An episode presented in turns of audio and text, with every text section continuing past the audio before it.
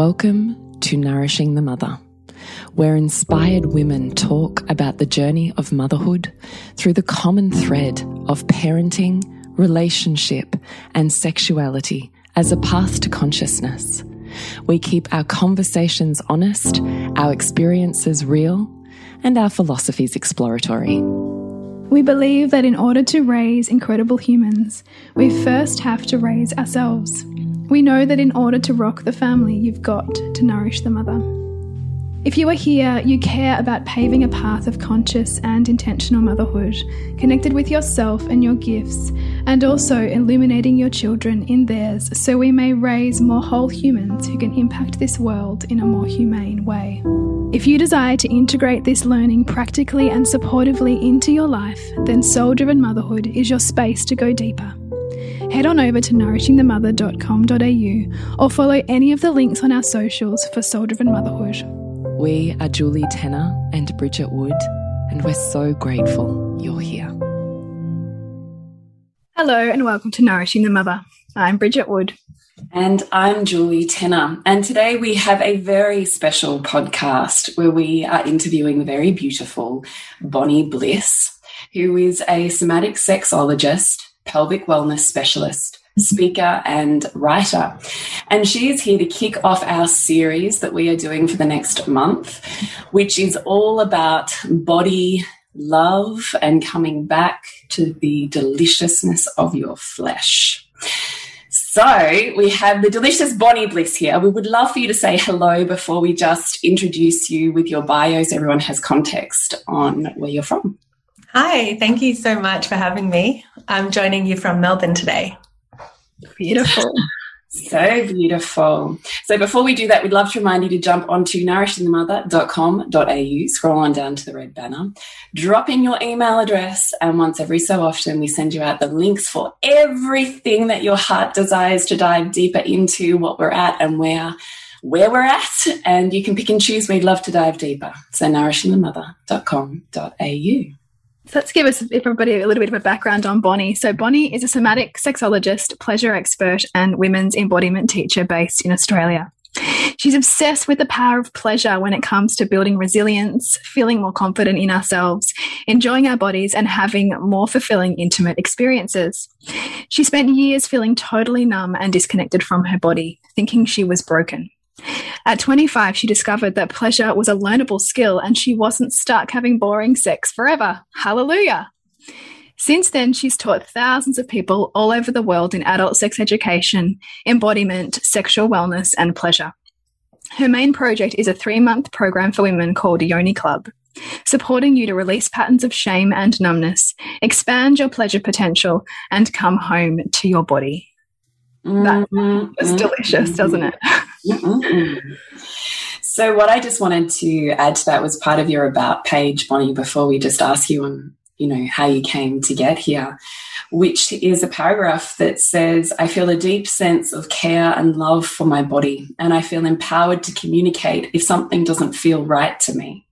Shame doesn't get me like it used to, and I know how to use embodiment practices to support self inquiry, access to pleasure, body sense sorry build sensitivity and process my emotions to get myself out of feeling stuck. How did you come to getting there well, yeah, it's been a bit of a journey. I, I, like I says in my bio, I was numb and disconnected for many, many years. The whole kind of maybe first seven years or so that I was having sex, I didn't know what all the fuss was about. I was like, why are people even into this? I don't get it. Mm-hmm. I was, you know, really not feeling a lot in my life generally. I didn't have access to a lot of pleasure my idea with, with, of orgasm was just like two minutes with a vibrator, done, finished you know, feeling kind of drained and exhausted afterwards. And I actually, when I was 25, I met uh, a new partner who introduced me to this whole other way of living and way of approaching pleasure. And took me a few years to kind of settle into it and start really exploring it. But I think one of the turning points was actually my first time seeing a practitioner for a yoni massage.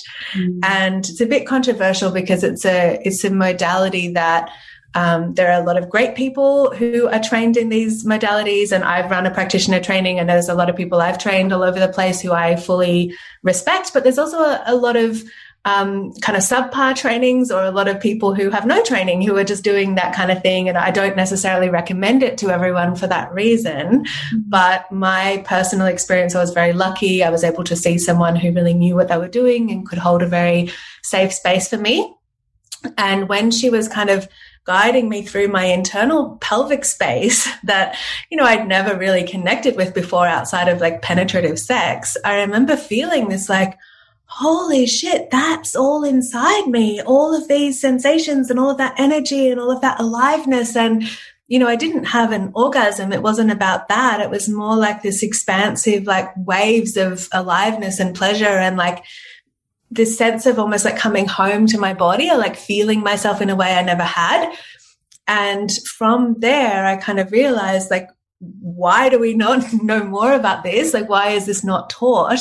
And that kind of sent me on this whole journey of exploration and, and training and mm-hmm. practice. And, and that's kind of um, where I got into, that was kind of my portal into the work that I do now. And um, over time, like it's not, it doesn't happen overnight, right? It's not, um, you can't just snap your fingers and go from feeling really numb and out of your body and disconnected to like really deliciously alive and connected to pleasure. But um, I've kind of developed a, a, method and a pathway for that to work um, over time based on my own experience and exploration. And uh, what I found is that, ple- yeah, pleasure is absolutely a learnable skill. It's not um, I think a lot of the time in our culture, we think that we're stuck with the pleasure we currently experience. We kind of go like, this is how I orgasm, or this is how, this is what I feel when I have sex, or this is how I masturbate. And that's just how it is. And what I've learned over the years is that that doesn't need to be how it is. There is always more and there is always deeper, but it is, it's a process of like unlearning some of the things that are getting us stuck and then rewiring or repatterning our bodies and our nervous systems to access more aliveness and sensitivity and pleasure.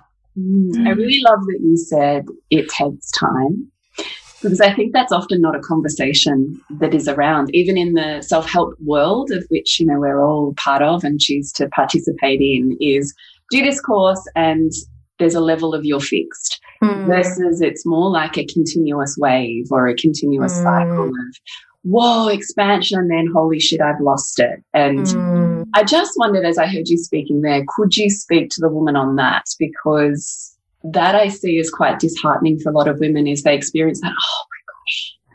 And then it's almost like there's the counterbalancing contraction of, oh my God, I've, I've, it's gone, I've gone backwards. Do you see that? And how do you how do you be with the women in that space? Mm, yeah, it is absolutely like that, and it's that's definitely been part of my own journey. Like with every with, with every big expansion is a is a corresponding contraction, and and that's just kind of how it goes. And I think what's important is that we need to see our pleasure and our relationship with our body and our relationship with intimacy with others and our relationship to self pleasure as an ongoing, ever evolving journey in the same way that obviously many, you know, of the women listening will be mothers in the same way that motherhood is an ongoing, ever evolving journey. You know, you don't hit a wall and go, Oh, well, I failed at this today. It's like, well, this was a little bit tricky and now I'm going to try to do it this way next time. And, you know, it, it's, it's an ongoing journey. And, and the problem is that we've basically been sold this idea that pleasure and sexuality is a quick fix that you just go to a sex you buy a sex toy or you do a thing or you have to mm. your partner needs to stimulate you differently or you've just got to go harder and faster or yeah. you just get these techniques and you do the thing and that's how it works and we all know that on a deeper level that that's not true and we don't we don't see other things in our like you know that with motherhood it's not done. You don't get motherhood done right? It's it's it's it's an ever evolving ongoing journey. And you know it's the same thing as long as we have a body and as long as we are relating intimately with ourselves or others that will be an ongoing ever evolving journey with its own ups and downs. And we need to see it in that way and not expect the quick fix and the not turn it into like a commodity you know like i have this mm-hmm. something i talk about a bit in my work is like people get really into what I'm calling vaginal consumerism. it's this like that's a great that's a great right. Like I've just got to buy all this stuff from my vagina. Like oh, I've got a jade egg, I got a wand, I got a I mean I bought all the it's things. So like why isn't it working? yeah. And I'm like, oh, it's not about buying the things. It's about creating the relationship over it's, time, right? It's a, it's a, very masculine kind of approach of like getting it done and fixing and having a mission and an outcome and exactly. But, exactly. But of course that's how we're programmed, right? I, I was thinking right. talking about like, you know, the Dolly magazine that we looked at when we were 10 that talked about you know, oral sex or you know whatever it was it was always you know the five tips to and make him come yeah yeah yeah right? totally and, and, and, then and then the internalized shame that that happens when you either fall short of their pleasure or your own or, or even mm. like not thinking about your own mm. and therefore mm. the contraction that comes which i guess is maybe what you were talking about with your own numbness in your 20s was well why would i go there because there's nothing there for me yeah exactly what's the point what's the point mm. Can I just yeah. ask you, Bonnie, what does it mean to be a somatic sexologist? So that means that I teach people about sexuality through their relationship with their own body. So I'm not university educated. My background is not academic. Um, I have done many, many, many, many different trainings um, in embodied sexuality and um, internal pelvic body work and you know somatic body based approaches to to sexuality and embodiment generally um, and embodiment teacher trainings and that kind of thing but um, my kind of focus and area of interest is on teaching through the relationship with the body rather than just teaching concepts or ideas. Mm. Um, what I found in some ways, my work's a little controversial because it does go against some of the kind of um, commonly held beliefs around sexuality. And I think that a lot of the the traditional approaches, for example, you may have heard the statistic that um, 80% of women can't experience um, orgasm through penetrative sex. And so they need to just focus on the clitoris. Have you heard that one? Yeah, I've heard that one. Yeah. So that's like, that's the one that's kind of spouted most commonly. And what I know is that that was research. Basically, they just surveyed a bunch of women and said, How do you currently experience orgasm? And 80% of them said, I tend to rely on the clitoris. And then the, the statistic that was taken from that and has been like bastardized in a million different wow. ways is that they can't experience other kinds of orgasm. And my whole approach is that pleasure is a learnable skill. and mm. so it's the same way as if you would say to someone, you know, I can't ride a bike. But if you have an able body and a sense of balance, you could learn to ride a bike, right? It's a skill, you know? So, so how many women stop at that belief? Exactly. You know, yeah. research says this. Right. And that's, I thought that for years. I read all the articles. I was like, right, well, I must just be in that 20% because I rely on the clitoris for orgasm. But what I didn't realize was that I had wired my clitoris for orgasm through yes. only focusing on it for a decade and never exploring anything else.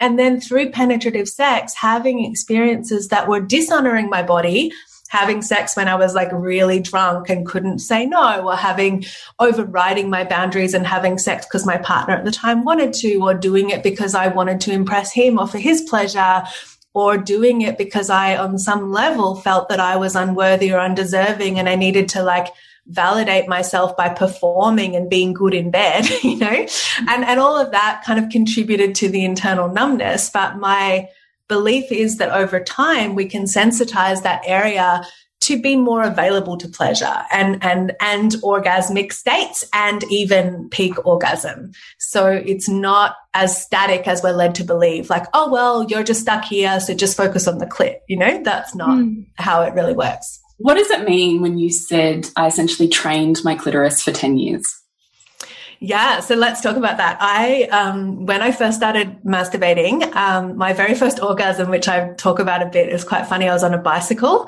Um, I grew up on a farm and I was like riding my bike one day and I was riding down this like bumpy dirt road and I had no hands on the handlebars and just like, wee. And then suddenly I realized it just felt like really, really, really, really, really good in my kind of groin area. And I didn't know why or what it was. I was probably 14 or something.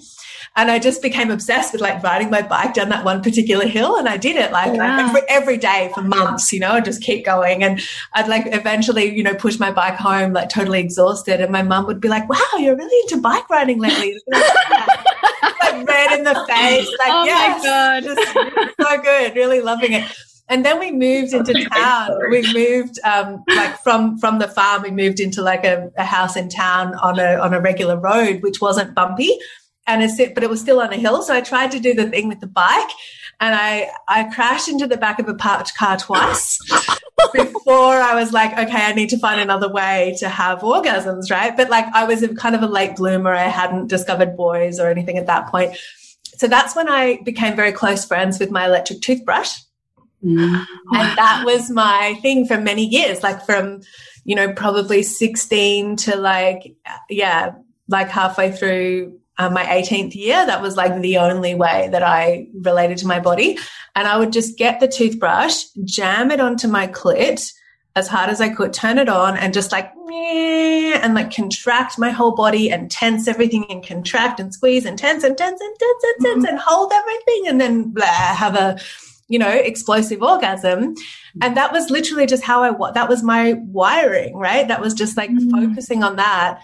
It's the same way if you imagine if you were born with two hands, two normal functional hands, and you one hand you did everything with and you picked things up and you learnt to write and draw and lift things and move stuff and paint and everything and the other hand you never used what would that hand be like the one that you never used? Mm it'd be like pretty numb and yeah. yeah. like not very functioning it's i feel like it's like that for a lot of us with our pleasure it's like when we just wire it to one particular little zone of course the clitoris is amazing and i love it and has so many nerve endings and it's awesome but if we only focus on it and not the rest of the pelvis um, I'm particularly obsessed with cervical pleasure personally, but you know, there's lots of pleasure everywhere that's available. But also the the other thing that I'm really into that I think isn't talked about enough is like whole body pleasure. You know, like your whole body is a sexual and sensual organ, and we can experience pleasure in our day in our life in a way that's not even sexual that can still feel like amazing mm. and like i've experienced pleasure from just like looking at a tree that's been like more profound than a lot of the orgasms i've had in my life you know yeah totally can i ask you what the what or just to extrapolate out what it means when you say orgasms that left you exhausted mm. yeah so for me that the way that I was having clitoral orgasms with the electric toothbrush or later with a vibrator um, I'm not saying there's anything wrong with using vibrators, but the way that I was using them was very like I just focus on that one place and I contract and squeeze and tense everything to like squeeze the orgasm out. And in that experience, I wasn't connected to my body, right? Like I was just so focused on the goal, just trying mm. to make the thing happen that I wasn't feeling myself. I wasn't enjoying the journey. I wasn't like, oh, this is really lovely and I feel good. It was just like, got to squeeze out the orgasm. And for me, that kind of orgasm afterwards I feel drained. I feel flat. I feel exhausted. It feels almost disappointing. You know, it's like there's that build up, build up, build up, build up, and then the, uh, mm. and then it's like, yeah, afterwards I kind of, I disconnect a bit. And if I have that kind of orgasm um, with a partner, I shut down emotionally towards them. You know, there's this feeling of like, I'm done, get over there, you know? Mm. Leave me alone. So it's yeah, it's almost like this um it's very contraction based and it's almost like transactional. Like I've got to get my orgasm and now I've had the thing for three seconds and now I'm like disconnected from myself. And I want more than that when it comes to pleasure. You know, I don't, that's not ultimately fulfilling me.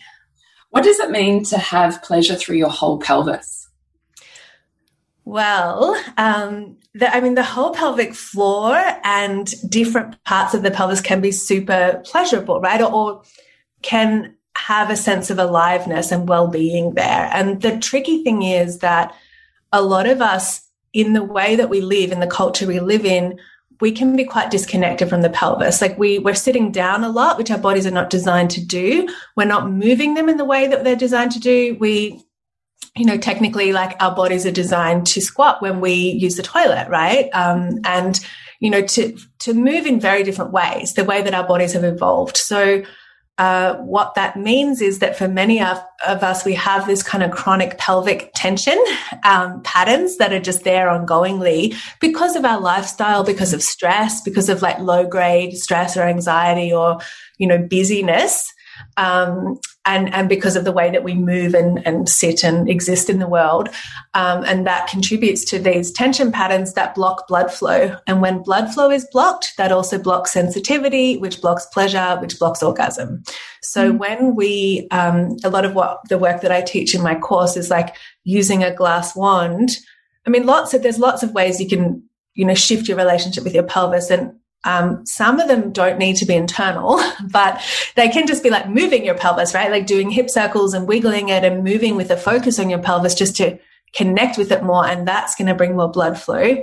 But something I teach really specifically is like using a wand internally to like massage the pelvic floor and, and, you know, the G spot and the A spot and the cervix and these like potential pleasure zones and just to like bring more blood flow and sensitivity, but also to, kind of train those areas to experience more um, pleasure and aliveness as well. Mm, it's really beautiful. I know that we're totally off topic because what we wanted to talk about was body image in the bedroom. a very interesting segue. Yes. I have one more question for you before we actually do get to our topic at hand. Is that all right? Yes.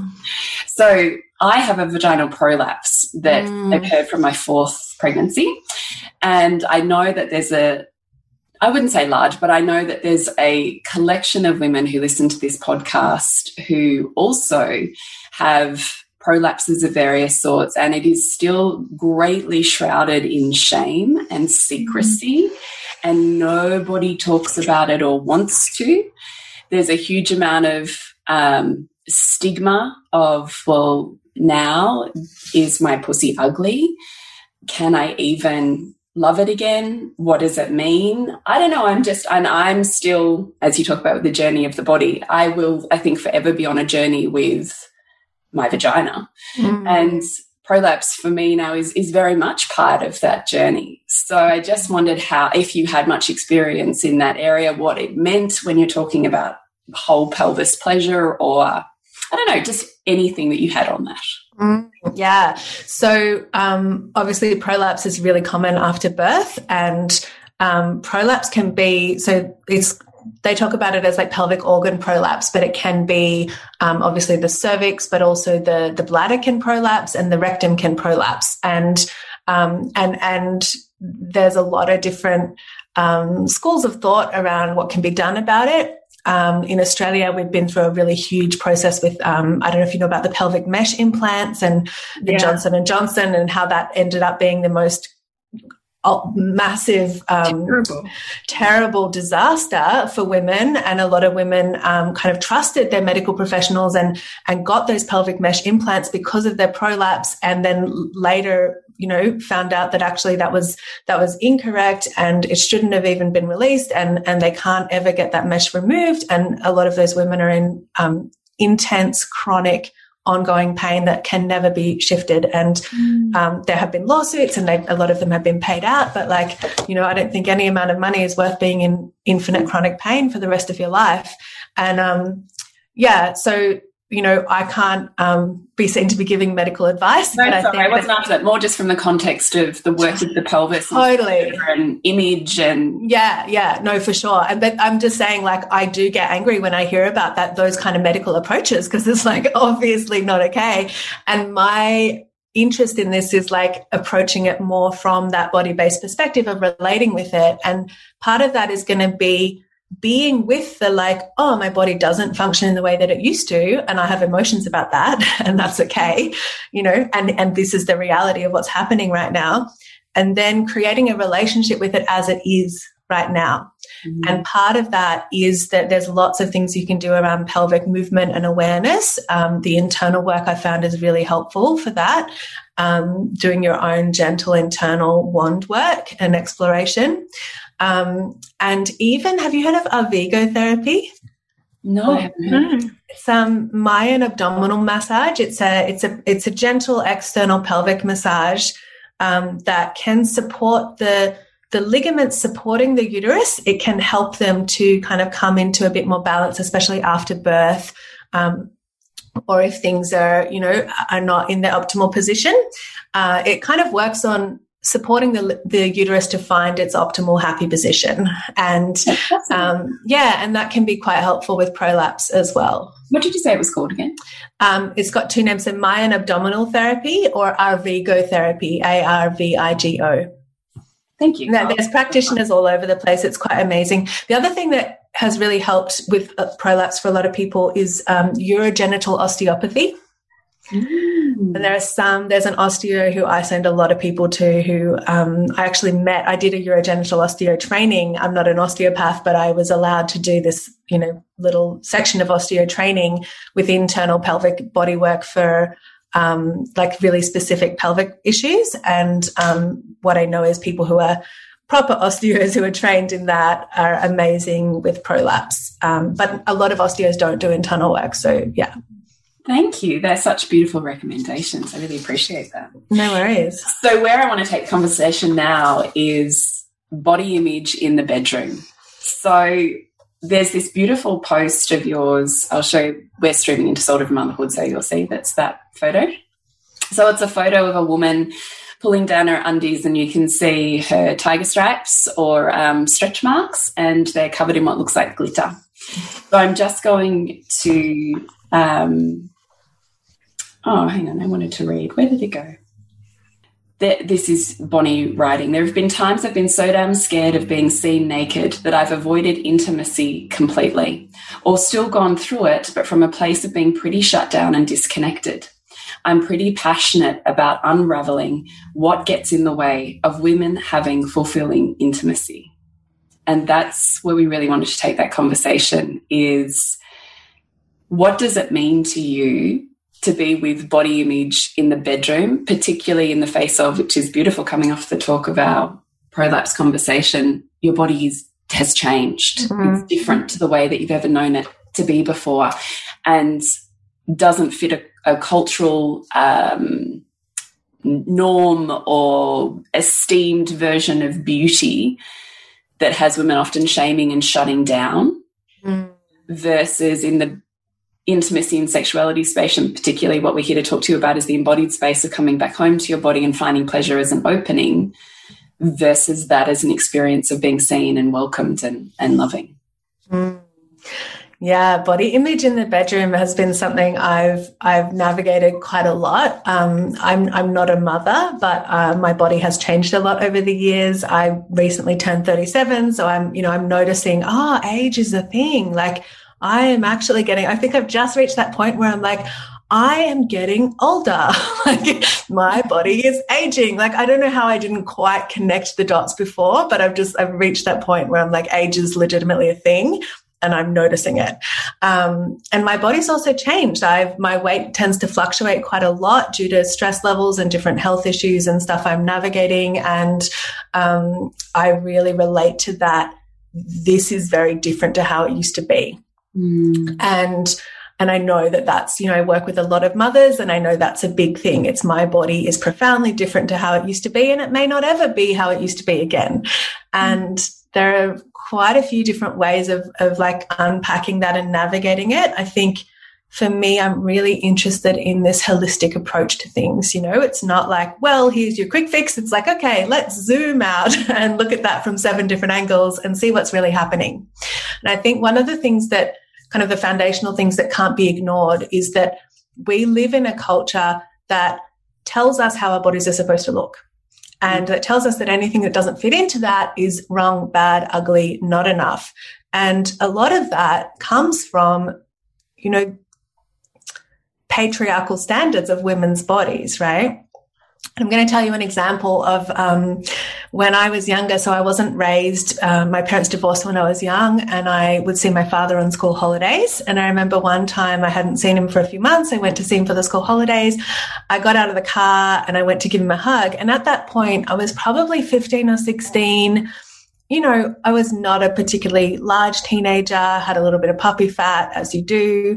And, you know, I went out, got out of the car and went to give him a hug. And he kind of pulled me back from his body and he looked me up and down and he said, You know what, Bonnie? And I said, What? And he said, You're getting fat. And you know what? And I said, What, Dad? And he said, Men don't like fat women. And it was like you know I, I was i was just kind of like okay whatever and i just went inside you know but like that really did hit me and i really see and that's just you know I mean, my dad was also part of that larger culture, right? So I'm not kind of mm-hmm. demonizing him. It's just that's a that's a really specific example I have of that. And and so in my twenties, you know, going into like having an active sex life, I was like, my body is for men's pleasure.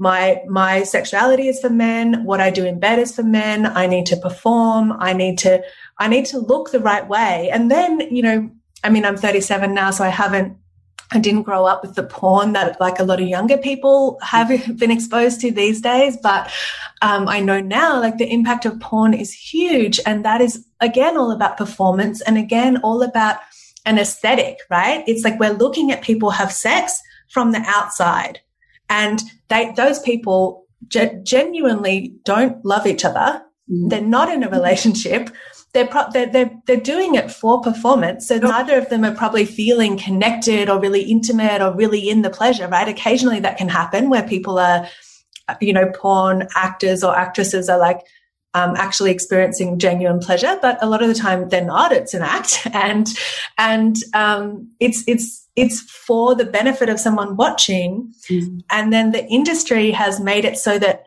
uh, there's more and more intense experiences of porn that people keep getting subjected to because we're more and more disconnected and, mm. and desensitized and we need to watch more and more really screwed up dodgy things to kind of get that same rush of dopamine so all of that has created this very perfect storm around performance around sex being for you know for heterosexual people sex being for the man's benefit or sex being about what it looks like and my kind of area of interest is like bringing it back to sex being about how we feel in ourselves, in our own bodies, in the intimacy with someone we care about, in the connection. And when we are externalizing, like if, you know, I can remember periods when I was at kind of at the peak of my like fear and anxiety and like total shutdown around my body image.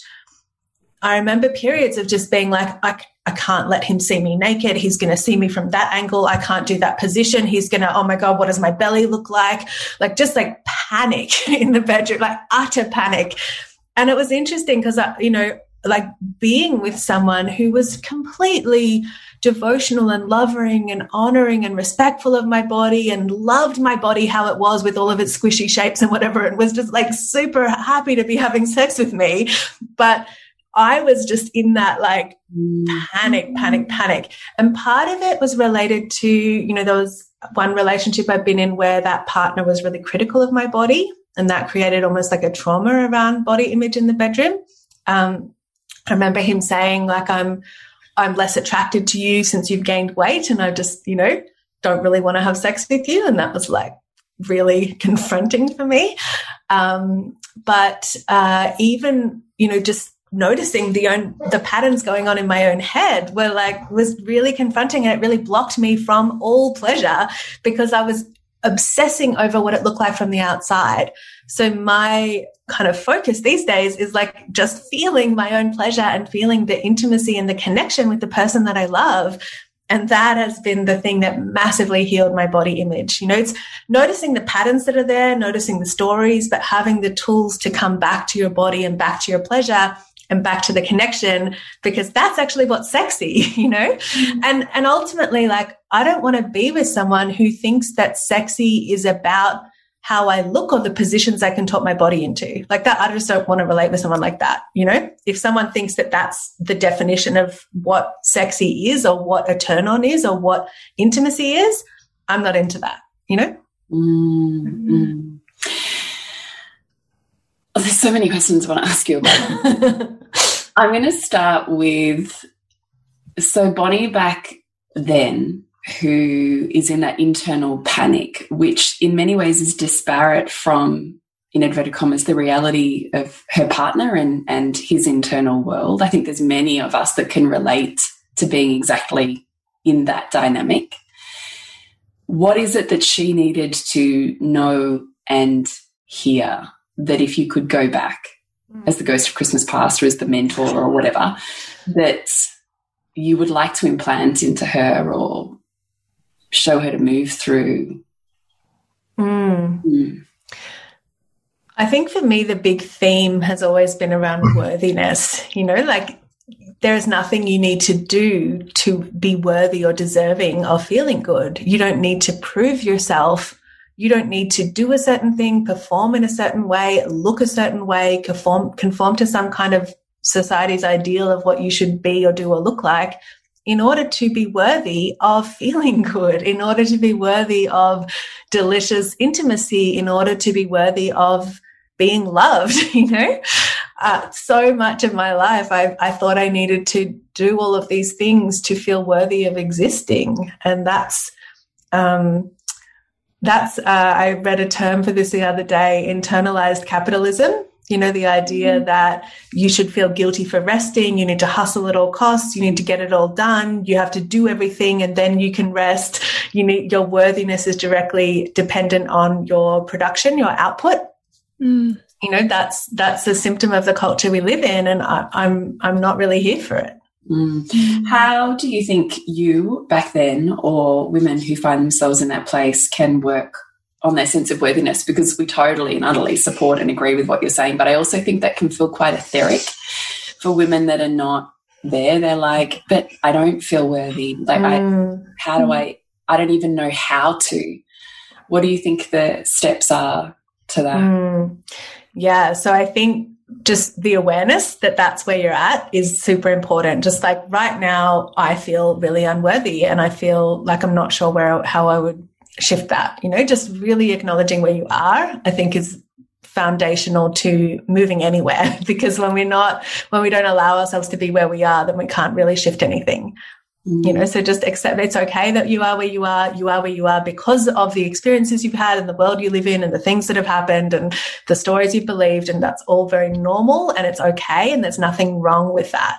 Because also, like, we kind of want to work on removing the shame. And a lot of the time we shame ourselves for things that are really normal and mm. or believing things that everyone has told us forever, you know? So it's like, it's normal that we believe that. It's normal that we, we feel this way given the world we live in. So accepting where you are and then, um, for me, this is where pleasure comes in. And this is why I'm so obsessed with pleasure because we're then we're not trying to connect with a sense of worthiness from like external sources, from like getting it from someone else or getting it from society or getting it from, you know, some concept that's a bit abstract. It's feeling it from the inside. Mm. And when I connect with a sense of aliveness in my own body or when I when I move my body and feel good, when like something that I do sometimes, because worthiness is like kind of one of my larger themes that comes up.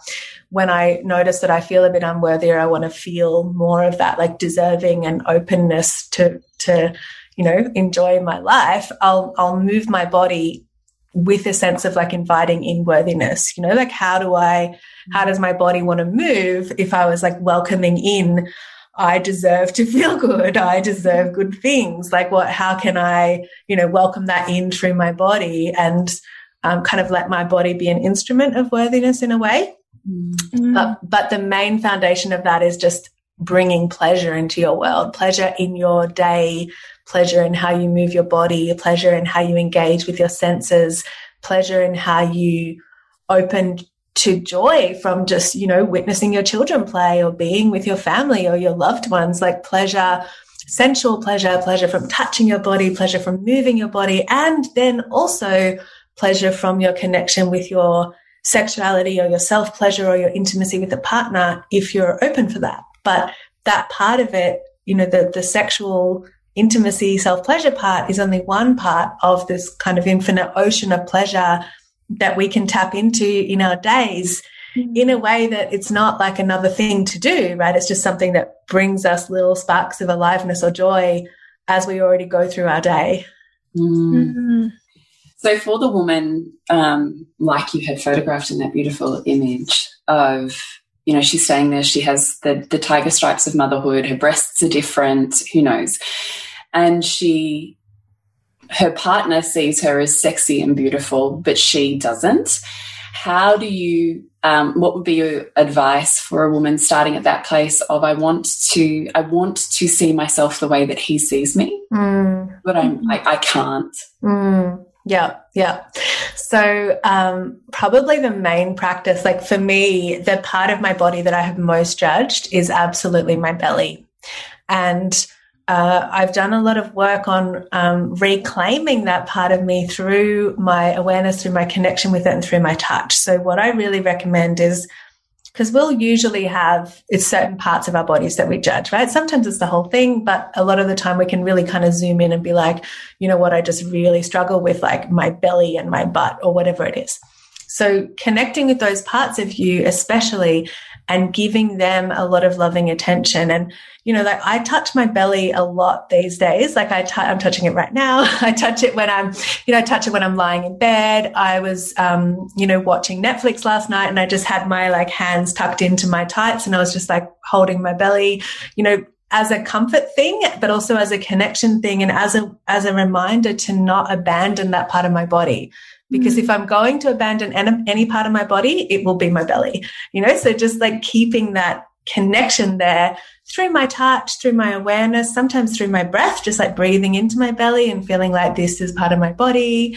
It actually feels nice to breathe into it. When I touch it, I can feel it's like it's kind of soft and squishy and it feels enjoyable to touch. And if I'm not making up a story that there's mm-hmm. something wrong with it. Like right now, right, I can touch my belly and I can focus on the softness and like how nice it feels on my hands to touch. But as I do that, I might also notice there's a story that comes in that says your belly's too big, you need to lose weight. You know, so I can notice that story and be like, cool, there's a story there, but come mm-hmm. back to how does it feel right now? What's, mm-hmm. what's happened? What are the sensations? You know, how does it feel to touch? Because no one ever gained any deeper, longer term benefit from shaming and judging their body. You know, it's not um, sometimes we think we need to like shame our bodies into submission, or if we judge ourselves enough, then it'll help us to like treat our bodies better.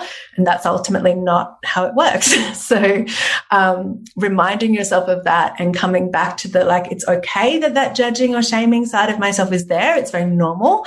But what can I do to connect now and feel now what this part of me feels like? It's really beautiful. Thank you. Mm -hmm. I just had another question for that you touched on before for the partner that's like, you know, babe, I'm not attracted to you anymore. That situation is like not working for me. What, and I totally resonate with what you're saying, which is like, I don't, I would not choose to be with a partner who didn't, that has that view of sexuality or relationship or intimacy totally. But what if you are married to that partner and you've just had a baby with that partner? And you're not ready to say goodbye to that relationship, but you also can't be with that. What would be your advice there? Mm, that's a good one. I think it's really about communication, you know, with sexuality and our bodies and the areas of life that are a bit more taboo or shameful in our culture sometimes we think things are just supposed to magically flow and we don't really have a reference point for talking about it. You know, this is a theme in the, the whole situation with consent in Australia right now. People are all saying like, oh, consent is just going to ruin the mood. And it's like, you know what? If getting consent ruins the mood, then you were the only person who was in the mood in the first place you know it's mm-hmm. not so so we need to normalize having these conversations and having the conversations about your body image, about your the kind of sex you want to be having or not having, about um, your relationship to pleasure, about you know it's the same as like the sticky conversations about parenting, right? Having different parenting styles and needing to navigate that, and and in parenthood, that's something that people are generally, I think, generally or mostly up for having those conversations because you're kind of confronted with it every day. Like, oh, I want to parent this way and you want to parent that way. How do we, you know, what is going to be a balance for us um, or what is going to be best for our child? And I think it's the same thing with a relationship, seeing the relationship as something that needs ongoing nurturing and care and respect. And that's going to need to have, you know, conversations about it. And some of those conversations might be hard. It might be hard to say, you know what, babe, like I'm really struggling with body image right now and I'm really um, it's really debilitating. And I notice that I'm shaming myself a lot and I'm feeling like I'm a bad person. And, and it's making me feel like sometimes I don't want to exist. You know, this is how it's been for me sometimes, right? Just like I've, I'm, I'm believing that how my body looks makes me fundamentally unworthy. And that is, and, and that's not a fact. You know, that's not true. Mm. Um, but it's a story I'm holding and it's really impacting me can we talk about it and find ways to help me to feel safe in our relating because i i know that you know you have these opinions about it but i also need to feel safe and um, you judging or shaming my body isn't going to help me to to treat my body better feel safer in my body or feel more open to intimacy with you so you know, let's find a way forward. Part of that can also be education. You know, like I follow a lot of people on Instagram who share a lot of body positivity stuff and just just realizing the extent to which we have been brainwashed by the media about what our bodies should look like and about you know we're not allowed to age we're not allowed to have our bodies change after birth you need to lose the baby weight straight away all of that stuff just just noticing the conditioning around it and and maybe even introducing that concept to a partner and saying you know, hey, here's some research about this, or here's an article, or would you be open to have a conversation about this? Or, and this is probably a larger thing, um, going to therapy together. You know, mm. if you feel like there's something really glitchy in your relationship where you're regularly feeling a bit emotionally unsafe or not cared for or not comfortable, I absolutely recommend like really good couples therapy. you know, I think there's there's there's no shame in therapy. I think there are people who are trained to support us to work through these things and, and create a safe space. And when it's something that is quite triggering, like it can be for body image, and I know it has been for me, um, it's really good to just have someone there to support you to navigate it, you know? Because mm. it can, because I've had that, that stuff come up with a partner where I've just kind of been like, you hate me because my body looks this way, or you wouldn't, you're, you want to end the relationship because my body looks this way. And that wasn't the reality, you know? That was a story that I made up, but I was so in it that I couldn't see anything else. Mm-hmm. And that was a, that was like really hard to then have a healthy conversation about it, you know? Mm. But but being able to go to a therapist who can help you kind of unpack things that can really um, make a difference. Mm. Thank you. It's such a beautiful response. Really appreciate that. So before we move into our three quick fire questions, is there anything you want to touch on, Bridgie? Oh, there's just so much there. I've got a few notes, but pretty much covered it all, actually. A lot of it, that piece around the narrative, too, I thought was beautiful because recognizing how big that shame narrative can be and then the practice of being in the body to change it like rather than kind of like trying to counteract it with your mind again mm. to actually come back to putting your own hands on your body like it seems like it's such a simple thing but actually mm. how do we forget to do that like to forget totally. to actually have our hands on our body mm. yeah we always want to think our way out of our problems right it's like that um i think i think it's like that old einstein quote that's like the problem can't be solved at the level of thinking that that created it you know it's like you can't you can't you can't effort your way into connection with yourself yes yeah Yes. So, so we do. Sorry, Julie, go. No, I was going to say, did you have anything else, Bridge? Because then I just wanted to check in if Bonnie had anything before we wrap up today that you just wanted to leave our listeners with. No, Bonnie, what, what do you have any, anything else? Um, you know, I, I think just the main message that I that I generally have around all of this is that you're not broken. There's nothing wrong with you. You know, you can create a deeper connection with your body and your pleasure and your intimacy, but um, you need to look at it in the same way that you look at an ongoing journey of parenting or an ongoing journey of a, a relationship. You know, it, it's it is a relationship. Your relationship with yourself is a relationship. And when we nurture it as a relationship over time, sure, we'll have those ups and downs and those expansions and contractions, but it can bring us such a deep, nourishing connection with ourselves that um, can profoundly shift how we show up in the world, how we how we love, how we parent, how we care for people in our lives, how creative um, we are with our work, and um, you know expand our capacity to be a more full version of ourselves. Like I, I think sometimes we see pleasure as like a oh, it's just a thing I need to deal with. And I'm just to, it's another thing for my to do list that I'm just to put it in that box over there and ignore it because I've got all the stuff to do and I'm really stressed. but when we actually bring pleasure into our lives in really simple ways that don't need to take lots of time away from what we're doing, then we have more energy for our kids. We're more focused. We're more um, present with ourselves. We feel like we're we're living our lives rather than just being on autopilot. Mm. And and that's what I think is is really valuable. And it's not really spoken about enough with pleasure. Like it's not a separate little thing that you need to deal with. It's like it can be. You can live your life in a way that integrates pleasure even when you're super stressed and you have a lot on. Mm really beautiful reminder. I love that. Mm. So you're coming into Soul Driven Motherhood with our community in the release week of this podcast. So on the 13th of May, you're coming in to do a workshop in there on body image in the bedroom. So if you're in Soul Driven Motherhood, you can absolutely look forward to that. It'll be at 2 p.m. Australian Eastern Standard Time. If you're not in Soul Driven Motherhood and you would love to be part of this conversation, then please head over to nourishingthemother.com.au, Nourish the Mother on Facebook or Instagram, and you will be able to find a very quick link to jump into Soul Driven Motherhood and catch Bonnie Bliss on Thursday, the 13th of May at 2 p.m. So, Bonnie, we usually, with every podcast interview that we have, we have three quick fire questions that we ask because they're um, deeply insightful and often really beautiful, just conversations. So, are you okay if we hit off with those? Sure. So, I'll do first on Bridgie, then do you want to take off from there? Sure. Yeah.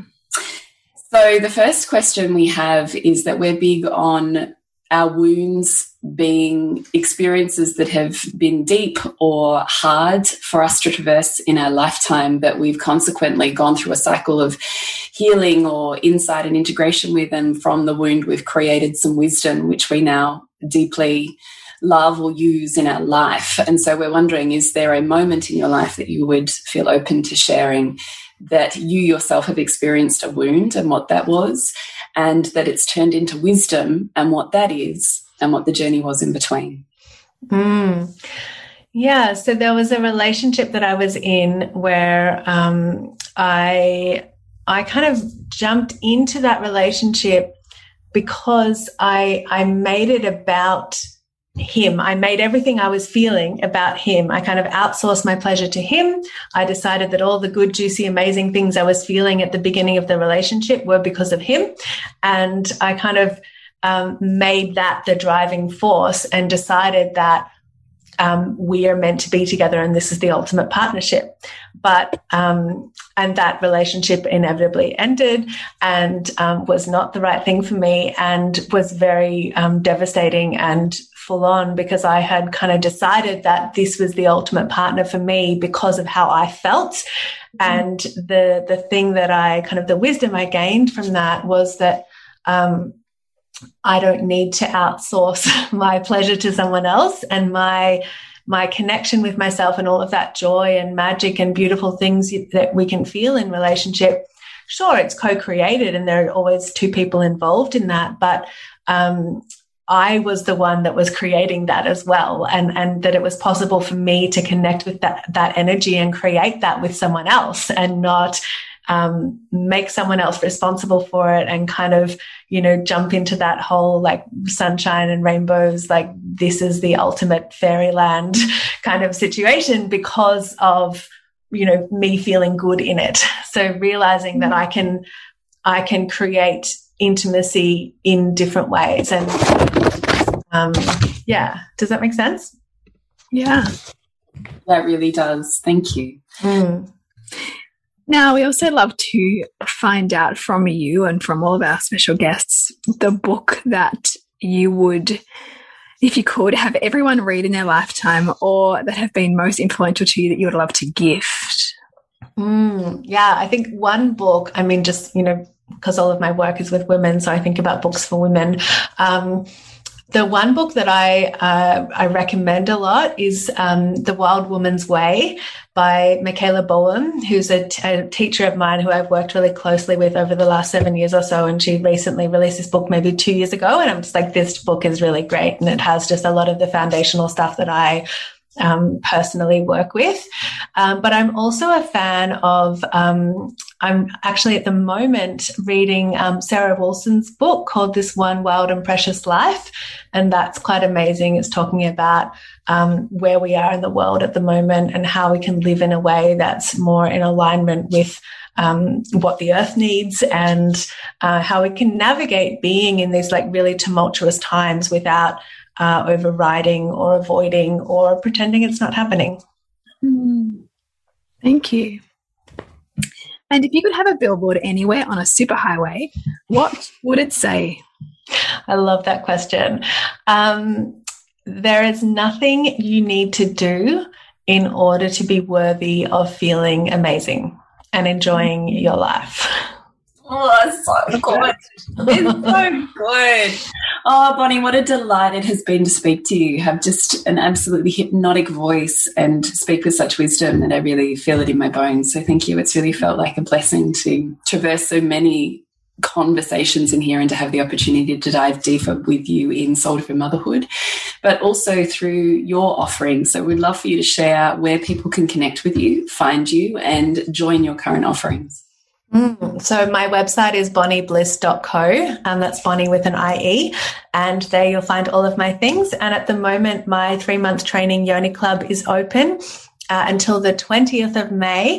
And um, that is an epic um, trauma informed three month sexual wellness journey for women designed to support you to feel confident in your body, to expand your pleasure potential, to release patterns of numbness and shame, and to go on a journey with a whole bunch of incredible women and guest teachers and support. And um, yeah, that's my that's my baby. We've had about fifteen hundred women through the program in the last three years, and it's my absolute joy to share it. And um, yeah, would love you to check it out if you're inspired. But there's a bunch of free offerings as well, always through my website, um, workshops and trainings and all kinds of juicy things. So yeah, check it out.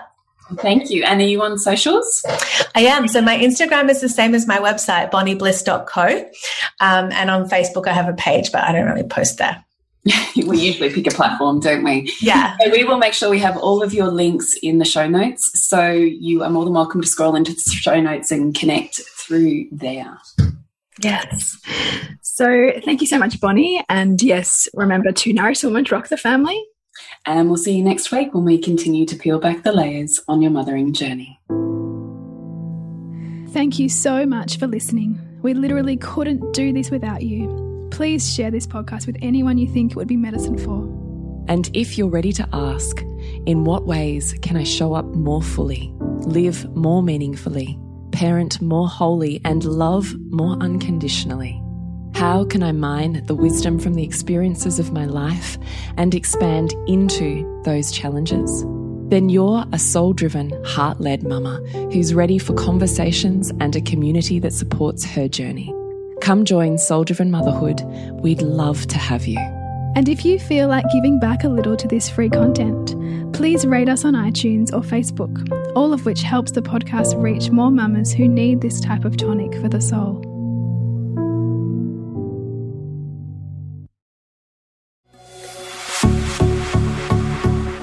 This has been a production of TheWellnessCouch.com. Check us out on Facebook and join in the conversation on Facebook.com forward slash The Wellness Couch. Subscribe to each show on iTunes and check us out on Twitter. The Wellness Couch, streaming wellness into your lives. Whilst the Wellness Couch presenter endeavor to provide accurate and helpful information to their listeners, these podcasts cannot take into account individual circumstances and are not intended to be a substitute for health and medical advice from a qualified health professional. You should always seek the advice of a qualified health professional before acting on any of the information provided by any of the Wellness Couch podcasts.